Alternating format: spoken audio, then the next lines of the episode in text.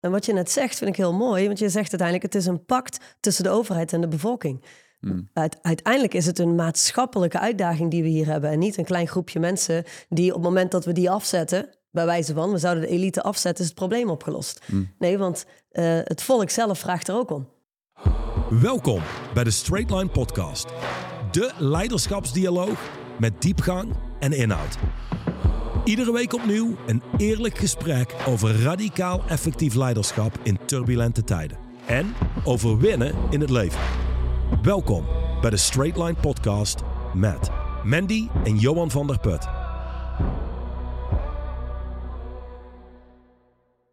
We hebben natuurlijk gisteravond een eh, fantastisch diner gehad. eh, met, nou, met z'n twintigen, waar wij drie een onderdeel van waren. Eh, mooie, bijzondere gesprekken, als je het mij vraagt. Eh, en die gingen allemaal over één ding. En dat is ehm, jouw boek. De psychologie van totalitarisme. En wij hebben het genoegen om nu op eh, zondagochtend, na dat fantastische diner, met jou hier in de studio te mogen zitten. Ehm, dus voordat ik jou aan het woord ga laten, ehm, meneer Van der Put. Kijk eerst volledig uit Mag de weg. jij eerst even helemaal uit de weg gaan, inderdaad? En is het woord eh, aan jou, Matthias. Kun je ons, ja, ik zou willen zeggen in een nutshell, maar dat, gaat, ja, dat, dat gaat, zeg maar. Kun je dit boek in een samenvatting met ons delen voor onze kijkers en luisteraars? Ik, ik ga proberen. man. Heel goed. Ehm, ja, ik ben het boek beginnen schrijven. Of ik ben beginnen nadenken over het eh, onderwerp van het eh, totalitarisme eh, in 2017. Eh, op dat moment had ik al het gevoel dat we naar een maatschappij gingen waar de overheid steeds meer greep kreeg op het privéleven van individuen. En ehm, dat we eh, aan het ehm, afgaan waren op iets waar Hannah Arendt in 1951 al voor gewaarschuwd had. Eh, ze zei toen namelijk eh, dat we het fascistische en het communistische totalitarisme hadden zien oprijzen in de wereld. Eh, en dat die beide vormen van totalitarisme aan hun neergang begonnen waren. Maar dat we vrij snel met een nieuw soort totalitarisme zouden geconfronteerd worden. Een totalitarisme dat niet geleid wordt door sappige bendeleiders, genre Stalin en Hitler, zei ze, maar wel door saaie bureaucraten en technocraten. Een technocratisch totalitarisme. Wat En ik sorry dat ik je onderbreek, wat maakte in 2017 dat jij zag dat dat aan het ontstaan was? Omdat we eh, na de War on Terror, eh, het Mhm. terrorisme-debakkelen, ehm, bijvoorbeeld ook met het eh, discours omtrent de klimaatcrisis, Mhm. duidelijk in een richting aan het gaan waren, waar er verhalen begonnen te circuleren in de maatschappij, waar verhalen een bepaalde greep op de bevolking kregen, die de overheid ertoe machtigden om steeds dieper het privéleven van eh, individuen eh, te gaan binnendringen en te gaan controleren. Steeds minder respect voor privacy, eh, steeds meer beslissingen die in wezen vroeger altijd beslissingen van het individu waren, overnamen en tot de beslissingen van de overheid maakten. Je zag dat toen al aftekenen. Ik begon mij toen echt de vraag te stellen, wat is totalitarisme nu Hm. eigenlijk? Ehm, en heel snel werd het me duidelijk dat totalitarisme iets volledig verschillend is van wat we een klassieke dictatuur noemen. De meeste mensen verwarren die twee. Maar een klassieke dictatuur en totalitarisme zijn compleet verschillend. En het verschil ligt voornamelijk op psychologisch vlak. En als je dat verschil begrijpt, begrijp je ook waarom totalitaire staten voor het eerst oprezen in het begin van de 20e eeuw. Daarvoor bestonden ze niet. Men vergeet dat vaak. Voor de 20e eeuw bestonden er geen totalitaire systemen. Toen waren er enkel dictaturen. Als er al een, de, de een dwingende was. staatsvormen waren Precies. vooral dictaturen, tirannieën. Eh, en vanaf de 20e eeuw rees er dus een compleet nieuwe staatsvorm op, de Mm. totalitaire staat. Welke was de eerste? Waar, waar Eh, de? Sovjet-Unie en Nazi-Duitsland gaan door voor de eerste en volgens sommigen nog altijd de enige Ah, echte totalitaire systemen. Ehm, waarbij, waarbij de Sovjet-Unie eh, veel verder gezet wordt, was in het proces van totalitarisering dan, eh, dan Nazi-Duitsland. Oké. Ja, dat, wat, het- wat maakte dan het onderscheid tussen eh, dat zij eh, zeg maar het totalitarisme uitvonden, zou ik bijna willen zeggen, versus de, de dwingende staten daarvoor?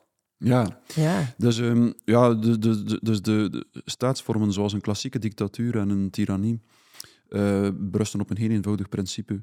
De bevolking is gewoon zeer bang voor het agressieve potentieel eh, van een klein regime en laat zich daardoor alles gebieden. Daar komt het in wezen op neer. Dat is in de basis. Ja, bij een, ja. bij een totalitair systeem zitten we met een volledig ander proces. Bij een Hm. totalitair systeem eh, rijst er eerst een soort zeer fanatieke groepsvorming op in de maatschappij. Dat wil zeggen dat er zich een groep aftekent, een massa, die blind gelooft in een bepaald verhaal, ook als dat verhaal compleet absurd wordt, die bereid wordt om eh, uit trouw aan dat verhaal en aan de eh, leiders die dat verhaal dragen, eh, alle persoonlijke, egoïstische belangen op te offeren. Dus om een of andere reden maakt dat soort groepsvorming, en je kan dat begrijpen, psychologisch gezien, Mhm. maakt dat soort groepsvorming mensen bereid tot radicale zelfopoffering, bereid om hun vrijheid, hun gezondheid, hun leven, de toekomst van hun kinderen, hun welvaart op te offeren voor een collectief ideaal, het, het ideaal van de groep, de massa waartoe ze behoren. En ook, een derde zeer belangrijk kenmerk van die massavorming, is dat het mensen radicaal intolerant maakt voor afwijkende meningen. Hm. Iedereen moet denken als de massa, en als ze dat niet doen, ziet de massa het als, hun heilige, als haar heilige plicht om die mensen uiteindelijk te eerst te stigmatiseren, te marginaliseren, uiteindelijk te vernietigen, met gruwel te bedenken. En men doet dat alsof het een heilige plicht is. Hm. En, en wat zag jij in 2017 wat neigde naar, nou, dit zou eens wel, wel eens door kunnen slaan in totalitarisme? Ja, je, je begon te zien hoe eh, het denken omtrent bijvoorbeeld klimaat, in het bijzonder, denk ik, Mhm. ook bepaalde eh, aspecten van, het, van de woke-cultuur, zoals eh, de Black Lives Matters, de MeToo-beweging, ehm, eh, en daarvoor eigenlijk ook al gans het eh, denken omtrent terrorisme, hoe dat een, een zeer grote dwingende eh, invloed kreeg en hoe alternatieve meningen, eh, zelfs de minste nuancering, niet meer toegelaten was. Dat waren de eerste tekenen van wat men soms massificatie noemt. Dat is nog geen eigenlijke massavorming, maar het is een voorstadium daarvan. En ik begon dat op te merken, ehm, begon daarover te lezen, notities te nemen in een soort intellectueel dagboekje dat ik heb. Ehm, en plots, eh, in 2020, eh, begon de coronacrisis. Vanaf de eerste week voelde ik, oh, hier gaan we een flinke stap verder in dezelfde richting. En hier gaat een draagvlak ontstaan om voor een overheid die nog veel verder het privéleven van de individuele mens wil binnendringen. Ik ben vanaf de eerste week, ik ben ook statisticus van opleiding, ik ben psycholoog van opleiding, maar ook statisticus. Vanaf de eerste week bestudeerde ik de statistieken. Ik had de indruk dat die statistieken compleet verkeerd waren. Eh, en ik begon te waarschuwen, eh, bijvoorbeeld met een opiniestuk, de angst voor het virus is gevaarlijker dan het virus zelf. Ja. Eh, voor de psychologische processen die zich aan het afspelen waren in de maatschappij. En tegen augustus eh, 2020 had ik, kon ik die processen redelijk goed beschrijven, denk ik. Ik heb toen een kleine theorie over massavorming de wereld ingestuurd en gewaarschuwd. Dus dat specifiek soort groepsvorming waarover ik het net had. En gewaarschuwd dat dat specifieke soort groepsvorming eh, eh, leidt tot totalitarisme. Of gemakkelijk kan leiden. Het hoeft er Hm. niet toe te leiden. Maar als je eh, de vorming van een massa krijgt en er een elite aanwezig is in de maatschappij die klaar is om die massavorming te gebruiken, die ze misschien ook zelfs opwekt tot op zekere hoogte, Mhm. dan krijg je die typische, dat typische diabolische pact tussen de massa en de elite, die de stempel is van totalitarisme. Totalitarisme zijnde een staatssysteem dat eh, niet alleen de publieke en de politieke ruimte controleert, zoals een klassieke dictatuur doet, maar ook nog eens de privéruimte controleert, omdat ze beschikt over een gigantische geheime politie, namelijk dat deel van de bevolking dat fanatiek meegaat in het verhaal van de overheid en bereid is om iedereen te verklikken die niet loyaal genoeg is aan het verhaal. In het eindstadium van een massavorming gaat dat extreem ver. In het eindstadium van een massavorming verklikt iedereen, iedereen.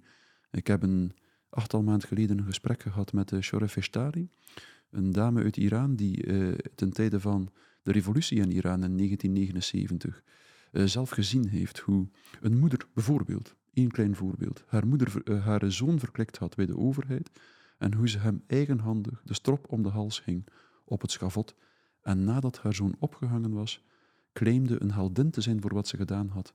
Dat is één voorbeeld van de dramatische toestanden waar een langdurige massavorming toe leidt. En dat komt voor in alle totalitaire systemen. Alle totalitaire systemen eindigen uiteindelijk in een compleet paranoïde atmosfeer, waar iedereen iedereen verklikt, waar kinderen hun ouders verklikken, ouders hun kinderen. En ehm, als je dat proces goed begrijpt, als je Mhm. de mechaniek van het proces goed begrijpt, zie je ook wat we kunnen doen eh, om dit proces niet zozeer helemaal te stoppen, maar om het op een bepaalde manier af te remmen, te zorgen dat het niet dat dramatische eindpunt bereikt en te zorgen dat de massa zichzelf vernietigt, neergaat, voor ze ertoe komt de mensen te vernietigen die niet met haar meegaan. En daarover heb ik eigenlijk... Mijn, dat is eigenlijk de voornaamste... Dus mijn boek gaat over meer dan dat. Mijn boek Ja, je boek Eh, gaat over... eh, ja, het bespreekt eigenlijk heel breed, cultuurhistorisch gezien, nou, wat, wat de heel... oorzaak is van massavorming. Exact, ja. maar wat ik je hoor zeggen is... Als we teruggaan naar 2017 tot 2020, toen waren er heel veel kleine massa's, om het maar zo te zeggen, kleine massavormingen gaan. De kleine of, of grotere groepen, hè? Black Lives Matters, de, de klimaatactivisten, er waren heel veel groeperingen aan het ontstaan. Eh, die denk ik in de geschiedenis van de mensheid altijd hebben bestaan, maar nu werden die redelijk fanatiek. En wilden inderdaad niks horen van de andere kant. Eh, toen kwam COVID en toen hebben al die groepen... is, is eigenlijk één groot geheel geworden natuurlijk. Is er één grote massa ontstaan. Ik vind het heel mooi wat je zegt. En, en dat is wat het boek voor mij gebracht heeft. Ik heb me heel lang afgevraagd, maar hoe, hoe kan dit eigenlijk? In, in die afgelopen 2,5, 3 jaar... met alle gekte die er heeft afgespeeld Hoe kan rondom wat, COVID. dat mensen alle Gewoon- ratio kwijtraken? Exact. Gewoon Irrationele beslissingen nemen? Exact. En, en, en uitgezoomd en afgevraagd, ja, maar hoe dan? En wat je net zegt, vind ik heel mooi. Want je zegt uiteindelijk, het is een pact tussen de overheid en de bevolking. Uit- uiteindelijk is het een maatschappelijke uitdaging die we hier hebben. En niet een klein groepje mensen die op het moment dat we die afzetten... bij wijze van, we zouden de elite afzetten, is het probleem opgelost.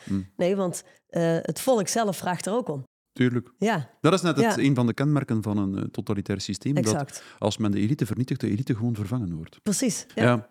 daarom niet onmiddellijk, maar eh, de, dezelfde elite gaat terug oprijzen als de bevolking in de greep blijft van hetzelfde mens- en wereldbeeld. En daarvoor moet je, moeten we ons afvragen, wat is nu precies dat mens- en wereldbeeld?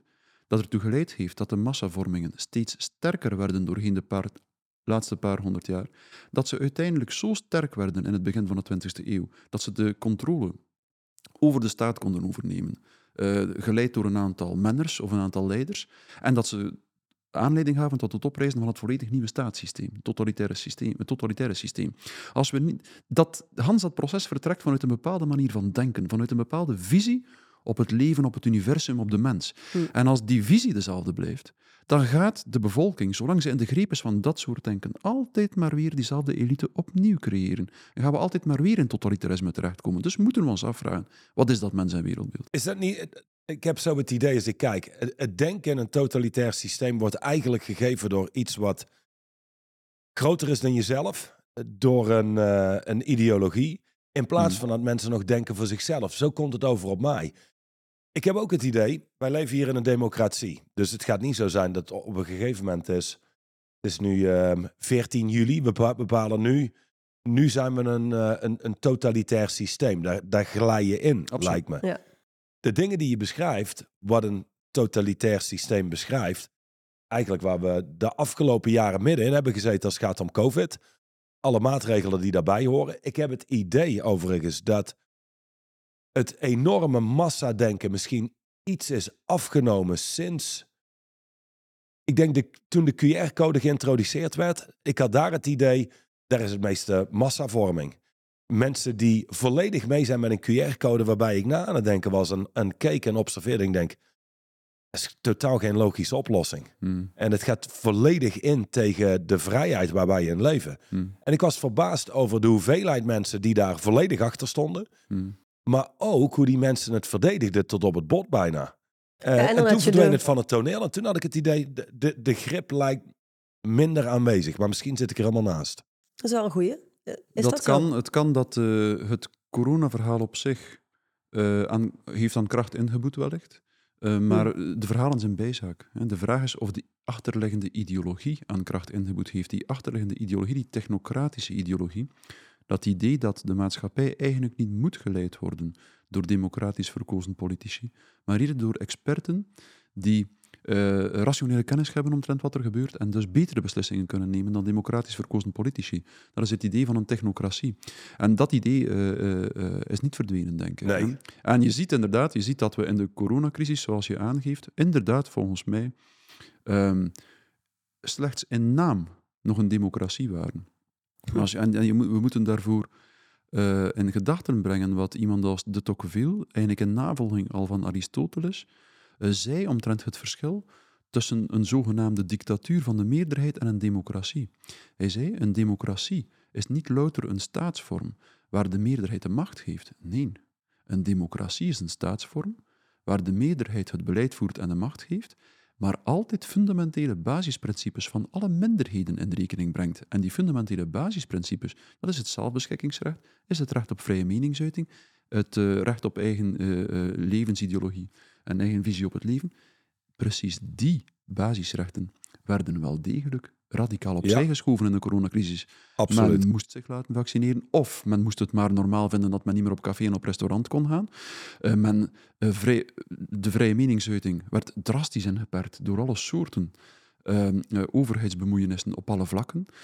Men had plots niet meer het recht om vanuit een religieuze, een levensbeschouwelijke, om het even welke visie, ehm, eh, te protesteren tegen ehm, een bepaald beleid van de overheid. Nee, die basisrechten werden duidelijk enorm opzij geschoven en op dat moment heb je inderdaad geen democratie meer. Je hebt een tirannie van de meerderheid. Daar waren we in verzeild geraakt en daar denk ik kunnen we zeer snel opnieuw in verzeild raken.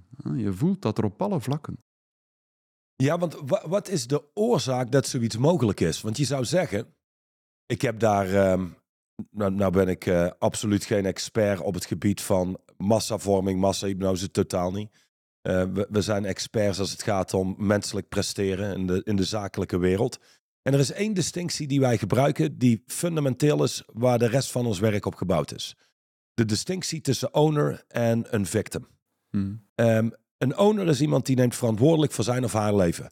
Een, gewoon een krachtig mens. En een krachtig mens, stellen wij, is een ethisch mens. hm. Is iemand die in staat is beslissingen te nemen voor het grotere geheel. Niet Mhm. alleen maar gefocust Mhm. op zichzelf. Serieus? Ja. ja, in, eh, en, en, en wat goed is voor mij. Ehm, op het moment als iemand komt vanuit een zwakke houding in het leven, zijn mensen veel meer beïnvloedbaar. Eh, ethiek gaat vaak overboord. Het is met name gefocust op zelfbehoud. Wat is goed voor mij? Overleven. Ja, hoe zwakker mensen zijn, hoe makkelijker ze te beïnvloeden zijn ook. Ehm, nou heeft massavorming alles te maken met beïnvloeding. Hm. Hoe kan het zijn of waar is het punt gekomen dat dat tractie begon te krijgen? Dat het inderdaad mogelijk was om grote groepen mensen te beïnvloeden. Ik heb namelijk het idee dat in die jaren, laat zeggen de jaren tachtig, mensen nog wat meer, ik zeg wel eens, recht konden denken. Ehm, krachtiger waren, ook meer tegen een stootje konden. Ehm, denk aan waar wij het, eh, het gisteravond over hadden. Iemand vroeg van, hé, hey, maar hoe, hoe, hoe stoppen we dit nu eigenlijk? Hè? En jij deelde iets heel moois. Je zegt, nou, het kan zijn dat het eerst allemaal bergafwaarts gaat. Waarschijnlijk gaat het eerst nog bergafwaarts in de maatschappij. Dat geeft ons de mogelijkheid om onszelf te bekrachtigen. Je zou kunnen zien onder invloed van stress, Druk. of een lichaam onder invloed van druk en stress, wordt krachtiger.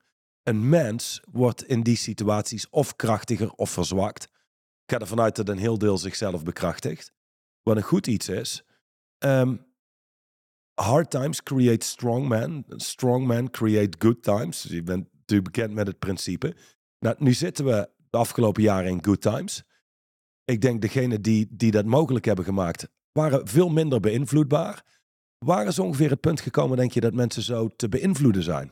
En, en meegaan met een denkwijze en hun eigen denken, zelfstandig denken. Het bestaat bijna niet meer. Het wordt overboord gegooid. Het wordt zelfs gecriminaliseerd. Het wordt nu bedacht met een stigma. Het anti-overheidsdenken. Mm, Je ziet dat meer en meer opduiken in de media. Echt een versie van The Crime Thought van George Orwell. ja, Ja, er bestaan criminele gedachten. Gedachten die ingaan, die zelfstandig van aard zijn, die ingaan tegen wat de overheid oplegt. Ja, ja wanneer is dat gekomen? Je moet het, dat moet je echt in een breder historisch perspectief zien, denk ik. Dus eh, massavormingen hebben altijd bestaan. We hebben de kruistochten gehad, we hebben de heksenjachten gehad, ze hebben altijd bestaan. Maar het, eh, de, er, waren ten eerste eh, zeer duidelijke belangrijke verschillen tussen de massa's van voor de verlichtingsperiode en de massa's van de laatste paar eeuwen. Eén, het belangrijkste verschil is zeker dat de oude massa's, de massa's van waleer, eh, fysieke massa's waren, die, waarbij mensen fysiek samenkwamen. Dus ze ontmoeten, de massavorming gebeurde fysiek. Ze waren, Ja, een massa vormde zich als er veel mensen samen waren. De moderne massa's zijn zogenaamde lonely masses. Zijn massa's waarbij de individuen allemaal in hun eigen huis zitten, eh, maar toch een massa vormen, omdat ze allemaal in de greep zijn van dezelfde gedachten, verhalen, voorstellingen die via de massamedia verspreid worden. Dus dat is een eerste zeer belangrijk verschil. Vroegere massa's waren fysieke massa's, de huidige massa's zijn lonely masses. Lonely masses zijn veel beter stuurbaar en manipuleerbaar. Dus je ziet twee processen de laatste paar honderd jaar die zich parallel aan elkaar afspelen. Aan de ene kant eh, is de bevolking ehm, in een toestand geraakt waar ze zeer gevoelig werd voor massavorming. Aan de andere kant werd er een elite gecreëerd die zeer overvloedig gebruik maakte van massamanipulatie. En die twee evoluties hebben zich parallel afgespeeld en vertrekken eigenlijk allebei vanuit hetzelfde. Die vertrekken vanuit een specifiek mens- en wereldbeeld. Het specifiek mens- en wereldbeeld dat, je meest, dat meestal aangeduid wordt met de term van het mechanistisch-materialistische mens- en wereldbeeld. Dat betekent een mens- en wereldbeeld waarbij men veronderstelt dat het ganse universum een soort materiële machine is, een set van eh, elementaire deeltjes, atomen en moleculen, die allemaal volgens de wetten van de mechanica op elkaar inwerken, en waaruit je uiteindelijk alles kan verklaren, en uiteindelijk, waarbij je uiteindelijk ook alles strikt rationeel, volgens de wetten van de mechanica, kan begrijpen. Dat is dat mens- en wereldbeeld eh, dat een zeer specifieke invloed heeft gehad. Aan de ene kant heeft het ertoe geleid, en dat wordt in detail beschreven, eh, dat er een steeds groter aantal mensen, en dat is eigenlijk het interessantste deel van het boek volgens mij, eerlijk gezegd. Waarom Mhm. dat mens- en wereldbeeld ertoe leidt, of voor mij het belangrijkste boek van het hele. Ik laat het aan anderen over om te, om, om bepalen of het interessant is of niet. Maar eh, dat mens- en wereldbeeld heeft ertoe geleid dat er steeds meer geïsoleerde mensen, dat steeds meer mensen in isolement en eenzaamheid terechtkwamen.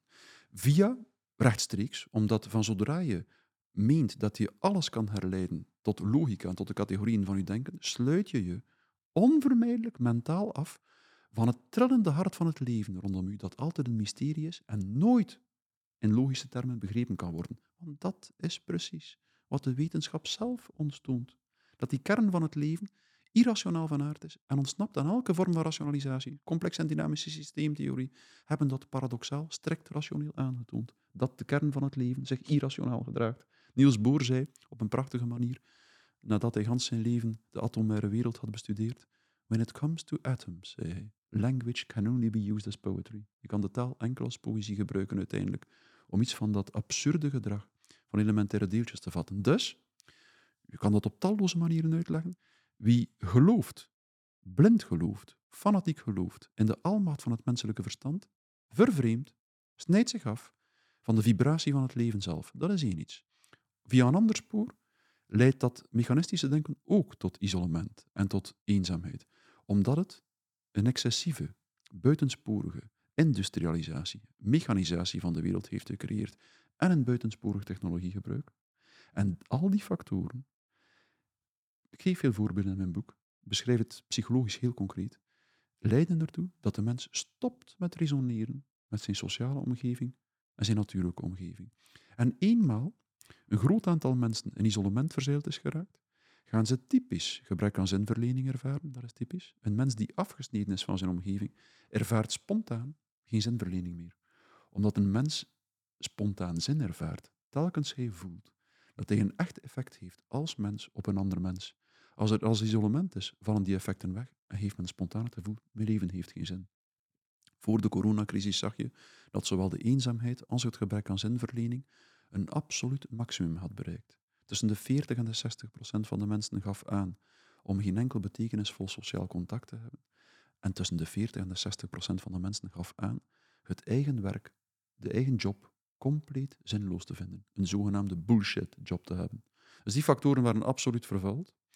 En dan krijg je typisch een aantal emotionele effecten.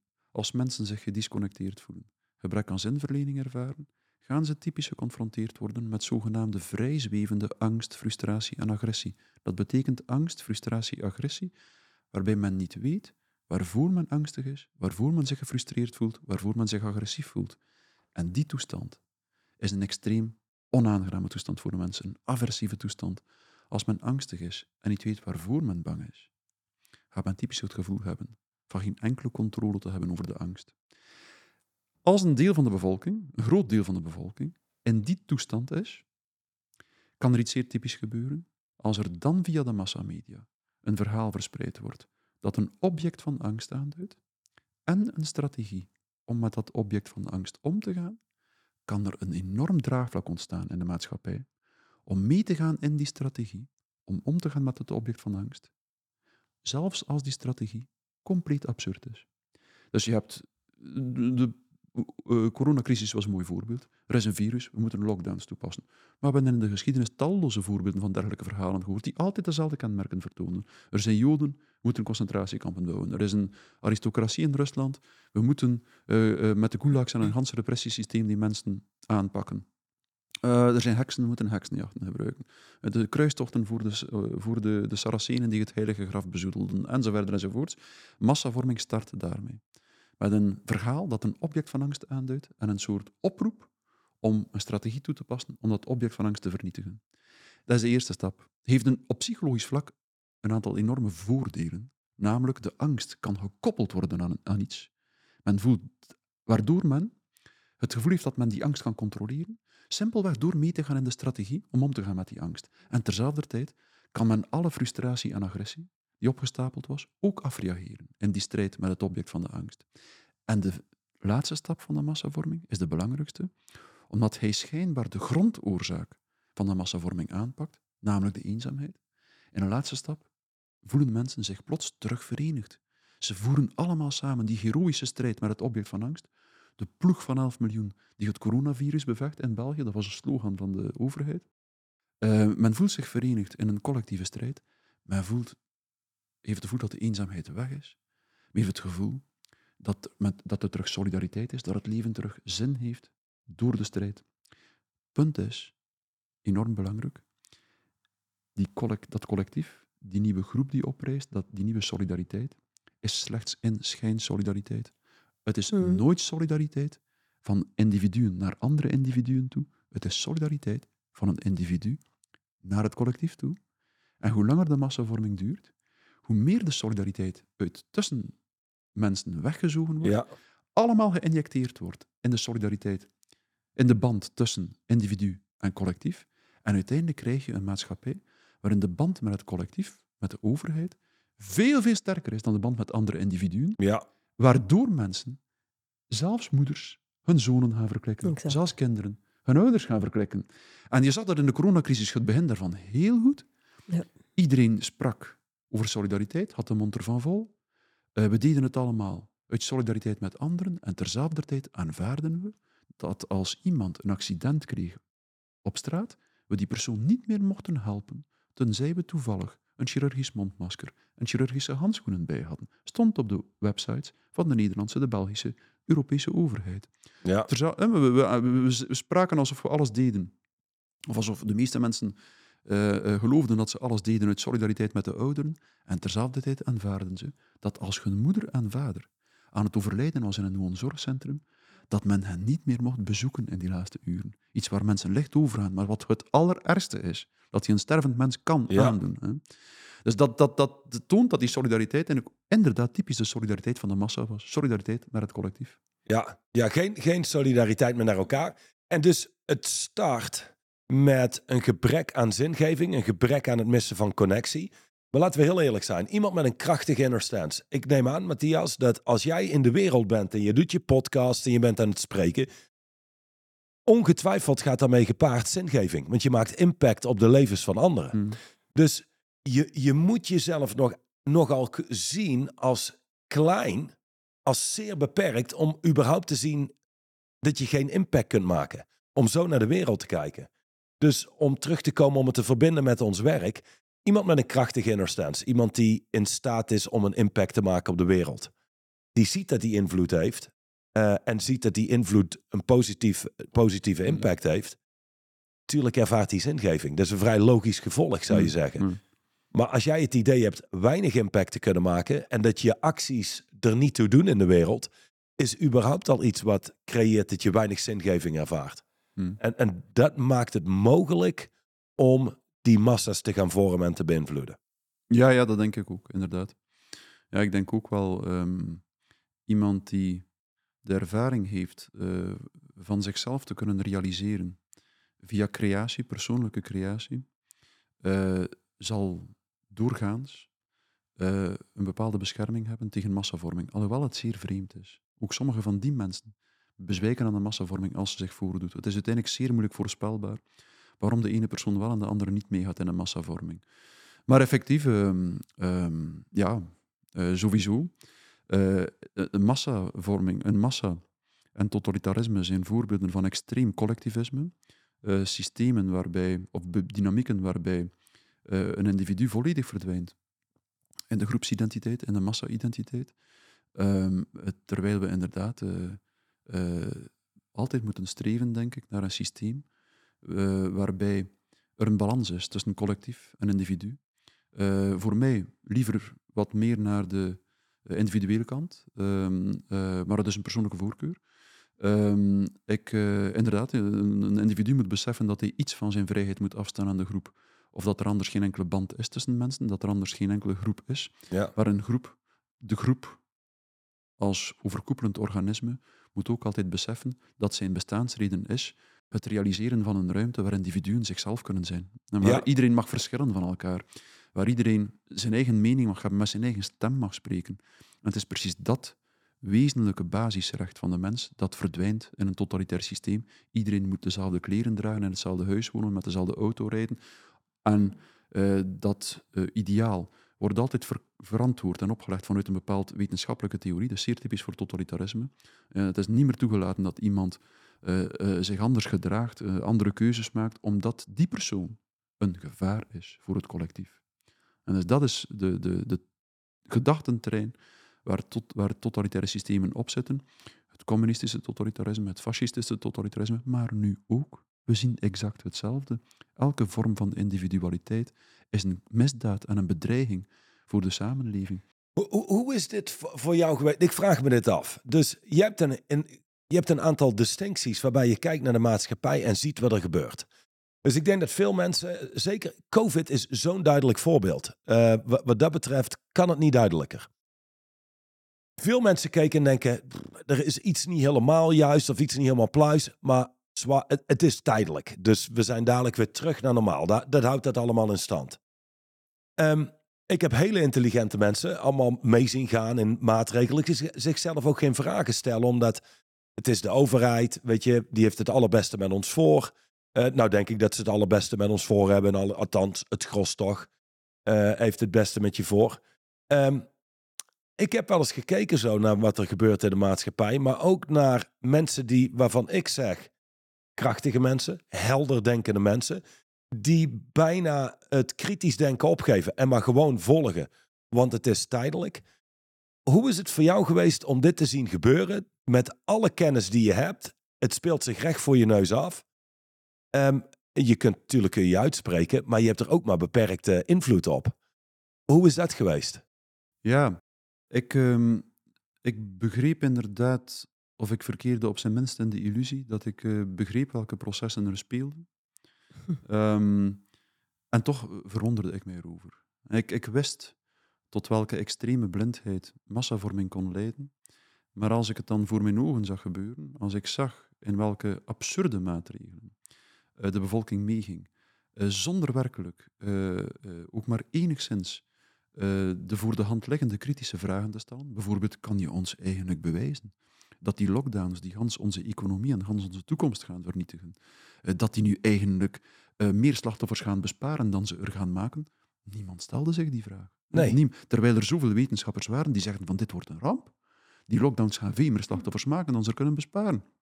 Niemand stelde zich de vraag, in godsnaam, hoe kunnen experten weten dat enkel een vaccin de oplossing is voor een virus, nog voordat dat vaccin ontwikkeld of getest werd, eh, eh, eh, terwijl het een vaccin betrof voor een soort virus waar men doorgaans zeer moeilijk kan tegen vaccineren. Hoe is het in godsnaam mogelijk eh, dat die mensen nu al weten dat het vaccin de enige oplossing is en dat ze zomaar een aantal geneesmiddelen bieden tegen dat virus, omdat Ja. het vaccin de enige oplossing moet zijn? Er waren zoveel vragen die elk weldenkend mens zich onmiddellijk zou stellen. Normaal En gesproken zou niemand stellen. stelde ze nog. Niemand stelde ze. Hè? Ehm, dus Ik, ik zag dat voor mijn ogen gebeuren. Eh, en ik moet eerlijk zijn, ik, ik kon het theoretisch begrijpen, maar ik was toch verbluft dat het kon. Ja, Ik was, ver, was ik op menselijk level gewoon verbaasd. over- verbluft. Ik zat op een bepaald moment samen met een aantal biostatistici. Zeer hoog opgeleide mensen. De hoogst opgeleide mensen van onze samenleving. Dus we behoren tot de meest opgeleide mensen van de samenleving. Die verklaarden dat er een zomergolf aan besmettingen aan de gang was. Omdat er meer besmettingen werden vastgesteld. En toen ik vroeg, ja, maar iedereen vertrekt op reis. Er worden ook veel meer tests gedaan. Is de stijging van het aantal besmettingen niet gewoon een gevolg van de stijging van het aantal tests? Ja, Die keken alsof ze het in Keulen hoorden donderen. En toen ik vroeg, maar heeft iemand daarvoor gecontroleerd? En er was niets aan de hand. hè. Hoogstwaarschijnlijk was het inderdaad doodsimpel. ja, Een gevolg van het stijgende aantal tests. Eh, eh, iedereen stond met de mond vol tanden. En iedereen weigerde om die controle te doen. Ja. En men bleef zeggen dat er een zomergolf aan de gang was. En dus je, je zag zoveel onwezenlijk vreemde dingen. eh, dat zelfs als je over de theorie beschikte, je toch nog vol verwondering en verbluffing toekeek. Ja, Misschien zelfs wel meer.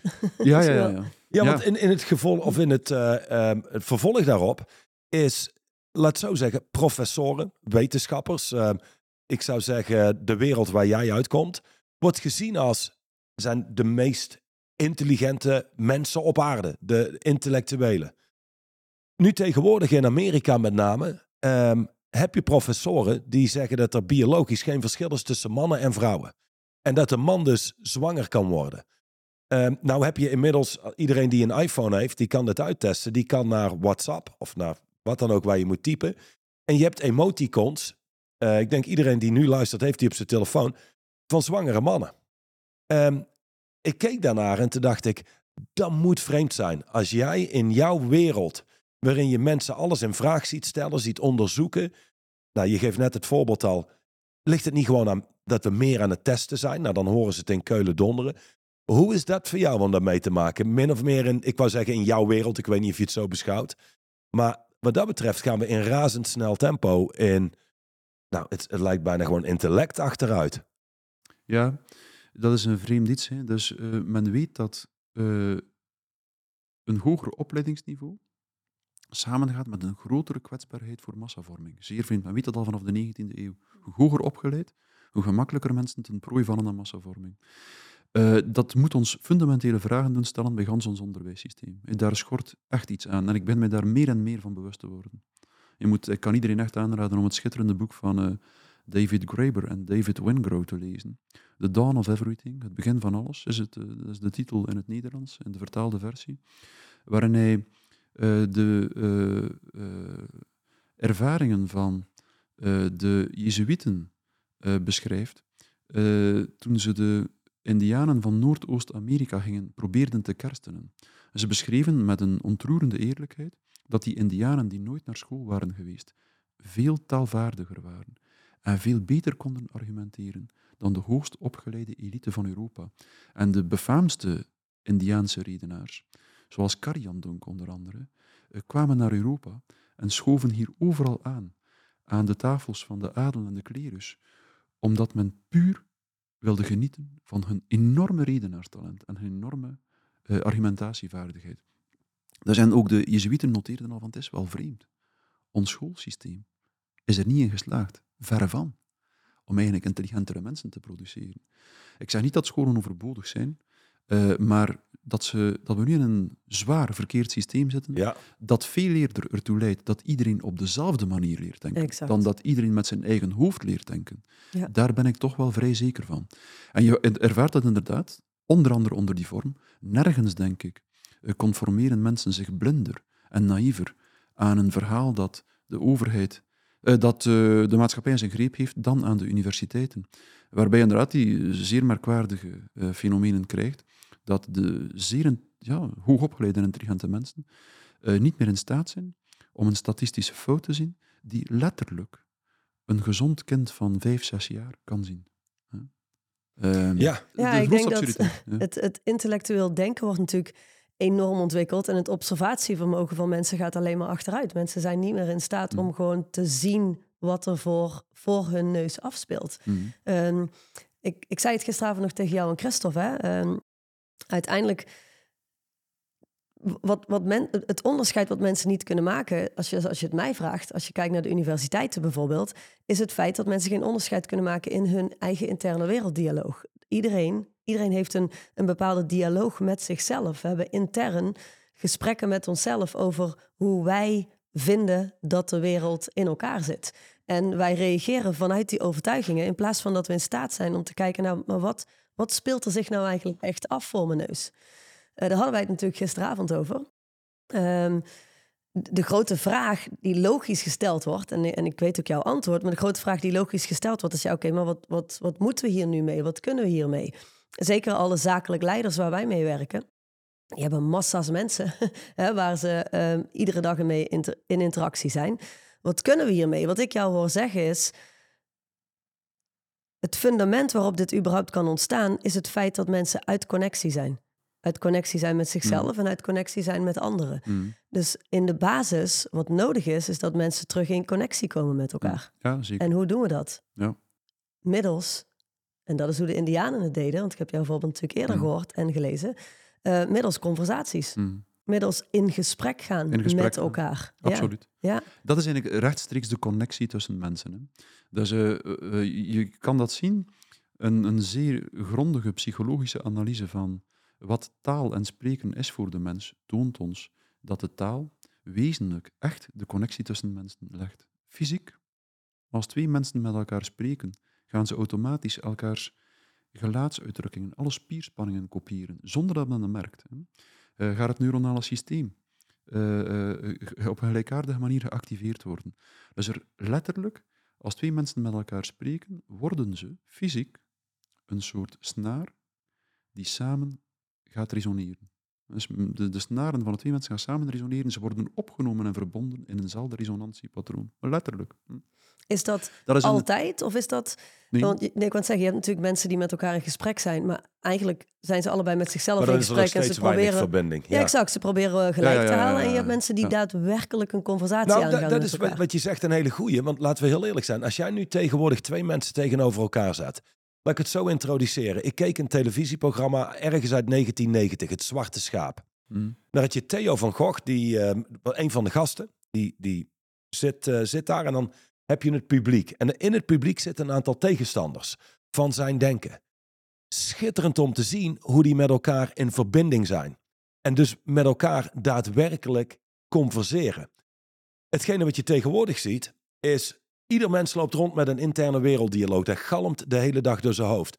Een heel deel van die interne werelddialoog is gegeven door een overheid. Of zie het propaganda, eh, door dat wat je leest in de krant, dat wat je leest online. Dat galmt door je hoofd. Dus mensen luisteren niet om een antwoord te geven. Mensen luisteren om te reageren.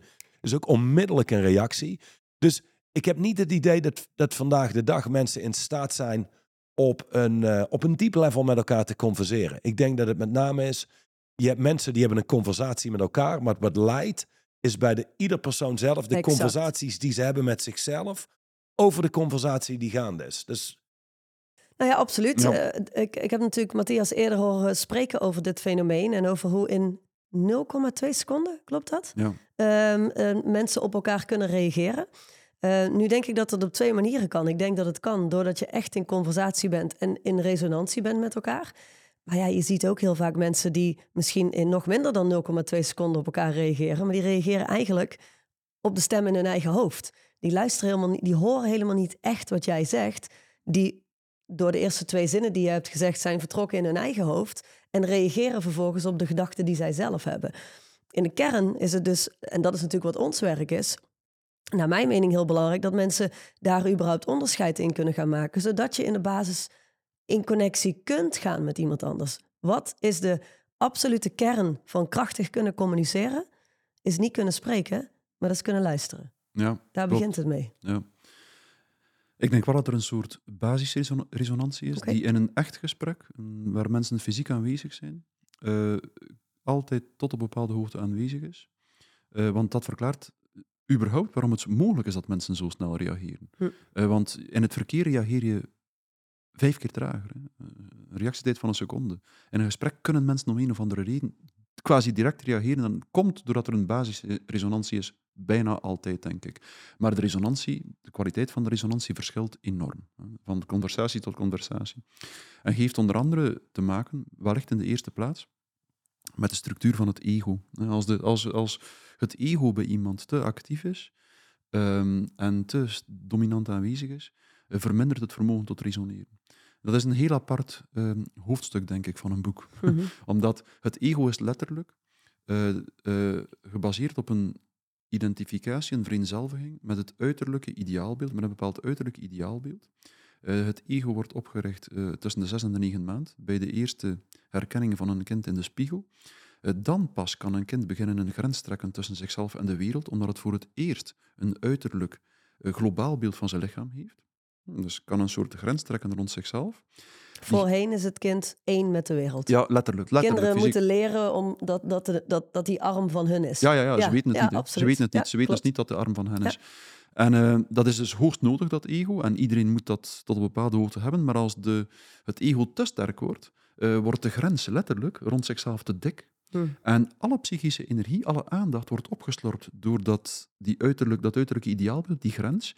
En men slaagt er niet meer in om energie te investeren in dat beeld van de ander. Waardoor men ook niet resoneert met dat beeld van de ander. Waardoor men stopt met of minder resoneert. En vandaar de, het, de extreem, eh, de s- psychische structuren waarbij het ego zeer extreem is uitgebouwd, zoals psychopathie, worden gekenmerkt door een merkwaardige, complete afwezigheid van het vermogen tot empathie. Dat komt omdat alle energie in dat ego zit. Hè. Dus, dus, dus het ego moet ongeveer gepast zijn van, eh, van, eh, van, van sterkte. Ehm, en dus inderdaad, dat stelt een limiet aan de resonantie. Dat is een van de factoren die eh, kan verklaren waarom er soms gesproken wordt zonder dat mensen resoneren. Ja. Maar ze gaan toch, zonder dat men het weet, resoneert men toch altijd een klein beetje hoor. Want je ziet dat best van al. als, ehm, als men een ganse dag bijvoorbeeld digitale gesprekken Ja. doet op Zoom, eh, gaat quasi iedereen een vreemde uitputting ervaren. Ja. En dat is precies omdat die, de digitalisering van gesprekken ervoor zorgt dat die resonantie veel minder of niet plaatsgrijpt. Omdat men de ander omdat er altijd bijvoorbeeld een bepaalde vertraging zit op de overdracht van het signaal. Eh, Dus, dus die vertraging kan minimaal zijn, maar het is wel groot genoeg omdat dat die enorm subtiele reactie tussen twee mensen die fysiek spreken niet meer te laten doorgaan. Hm. En dus het wegvallen van die basisresonantie zorgt voor een vreemde uitputting in ons, omdat we voortdurend willen resoneren. Omdat dat resoneren de bevrediging is van de oerbehoefte van de mens om Ja, psychisch te versmelten met de ander, om te voelen dat hij iets van zichzelf, iets dat in zijn lichaam trilt, via woorden, letterlijk, via Mhm. de trilling van woorden, aan een ander kan geven en ervaren dat die ander zijn lichaam meetrilt. En zo een bepaalde, connectie te leggen. hè. Dat is Ja. letterlijk. Je kan het bijna materieel beschrijven. De grond van de zaak is niet materieel voor mij. De grond van Nee. de zaak is spiritueel, psychisch eh, enzovoort enzovoort. Maar ook op materieel vlak kan je het bijna beschrijven als een resonerend snarenstel. Het is waarschijnlijk ook zo op materieel vlak. Het Ja, lichaam zal zeker. op dezelfde manier trillen eh, via spreken. hè. Ja. Zou je, ehm, dat is natuurlijk ook een heel interessant onderdeel die voortgekomen is uit de, de coronacrisis. Ehm, heel veel mensen zijn gaan thuiswerken. Heel veel mensen zijn digitaal gaan werken. Mhm. Voor heel veel organisaties heeft dat betekend dat ze in één klap heel schaalbaar konden, eh, konden worden. Eh, heel veel bedrijven hebben eh, besloten om hun kantoorpanden te sluiten, hè, om, om kantoren thuis in te richten. Ehm, we hebben nog maar een paar minuten de tijd. En, en, en, en de mensen die naar deze podcast luisteren zijn voornamelijk zakelijk leiders. Wat zou jij hun mee willen geven? Want ik vind persoonlijk, als je de hard hebt gewerkt weliswaar, maar wel de privilege hebt om op een positie zakelijk te staan waarin je eh, de leiding hebt over andere mensen, heb je ook een hele grote verantwoordelijkheid die daar meekomt. Mhm. En de digitalisering is voor veel bedrijven heel goed, zou je kunnen zeggen, in, zekere zin. Eh, maar op menselijk vlak helemaal niet zo goed. Mhm. Wat, wat zou je daarin ons mee willen geven? Ja, eh, specifiek omtrent digitalisering, denk Ja. ik, eh, moet, de, moet, de, moet de digitalisering zeer functioneel gebruikt worden. Ongeveer 10% misschien van eh, de mate waarin ze nu gebruikt wordt. Eh, voor de rest doet ze alleen afbreuk aan de kwaliteit van de verbondenheid en aan de kwaliteit van eh, de groepsvorming. Eh, en meer algemeen zou ik zeggen ja, dat een leider een, eh, vanuit kracht moet eh, leiding geven. En eh, daar omschrijf ik helemaal wat, wat jij daarnet aanhaalde. Krachtig leiderschap of, of zelfs krachtig mens zijn, court, is een vorm van mens zijn, een vorm van handelen, een vorm van ehm, voelen en denken, eh, die eh, in de eerste plaats voeling heeft met het geheel en die zich afvraagt van oké, ehm, eh, wat moet er gebeuren omdat het geheel goed zou functioneren, op zo'n manier zou functioneren, dat ieder individu er een ruimte in krijgt waar hij echt zelf tot creatie kan komen, zichzelf kan realiseren als mens eh, eh, en voelen en dat hij bestaat als mens in de verhouding tot anderen. Dus voor mij is ehm, echt leiderschap iemand die een soort garant is van eh, de gemeenschap. Is het een bedrijf, is het een gemeente, is het om het even wat, Mhm. ehm, eh, waar hij toe behoort, eh, die zich ehm, de verantwoordelijkheid opneemt en zegt van ik ga bewaken dat eh, dat geheel blijft functioneren op een manier dat ieder individu maximaal de ruimte krijgt om zichzelf te zien als mens en zichzelf te realiseren. Ehm, dat is voor mij leiderschap. Eh, dat is... eh, eh, eh, de rest is egotrepperij. ja. Dankjewel. Ik denk dat dit... eh, Ik denk dat we moeten, moeten eindigen met een, eh, met een afspraak. Dus eh, dat- heel dat doen we altijd, Matthias, hier in de, in, in de podcast. We eindigen met een afspraak. Ik denk dat dit een mooie afspraak is. Je hebt het boek geschreven, De Psychologie van Totalitarisme. Als ik het goed heb, ben je bezig met een nieuw boek over Ja. taal. Ja. Dat sluit perfect aan bij, bij onze wereld. Dus ik denk de afspraak die we moeten maken is... zo- zodra het boek er is, dat we de tijd nemen het te ontleden. Eh, mee te geven aan de mensen die meeluisteren. Verbinden met straight line leadership en kijken welke raakvlakken er zijn. En dan vanuit daar hebben we ergens in de toekomst dat we de conversatie verder kunnen zetten die we eigenlijk net gestart zijn. Exact, want we zijn hem eigenlijk pas net gestart. Ja, we hadden ja, hier denk ik uren met elkaar kunnen zitten. Ja. Ehm, maar de, de belangrijkste basis is, eh, is gelegd. En, en eh, voor mij is het een afspraak. ja, voilà. Wel, oké, dan gaan we gaan dat doen. Dan hè. gaan we dat doen. Mijn Nou, boek is nog niet klaar, maar ehm, we, eh, ja, ik, ik sta daar zeker ik sta er echt voor open. Ik vond het ook een, een heel leuk gesprek. Super. Eh, ik ben altijd blij om te horen hoe mensen die in maatschappelijke termen eh, in een andere eh, wereld leven, in een, andere, een ander beroep doen, eh, toch ook op diezelfde tijdloze en universele waarheden uitkomen. Dus eh, Ja, prachtig. en ik in, denk in, in dat opzicht resoneerde het. Ja, inderdaad. Ik denk dat dat Ja. de kern is. Dezelfde universele waarheden en vanuit Ja. daar vertrekken. Dezelfde principes van menselijkheid. Inderdaad. Dankjewel.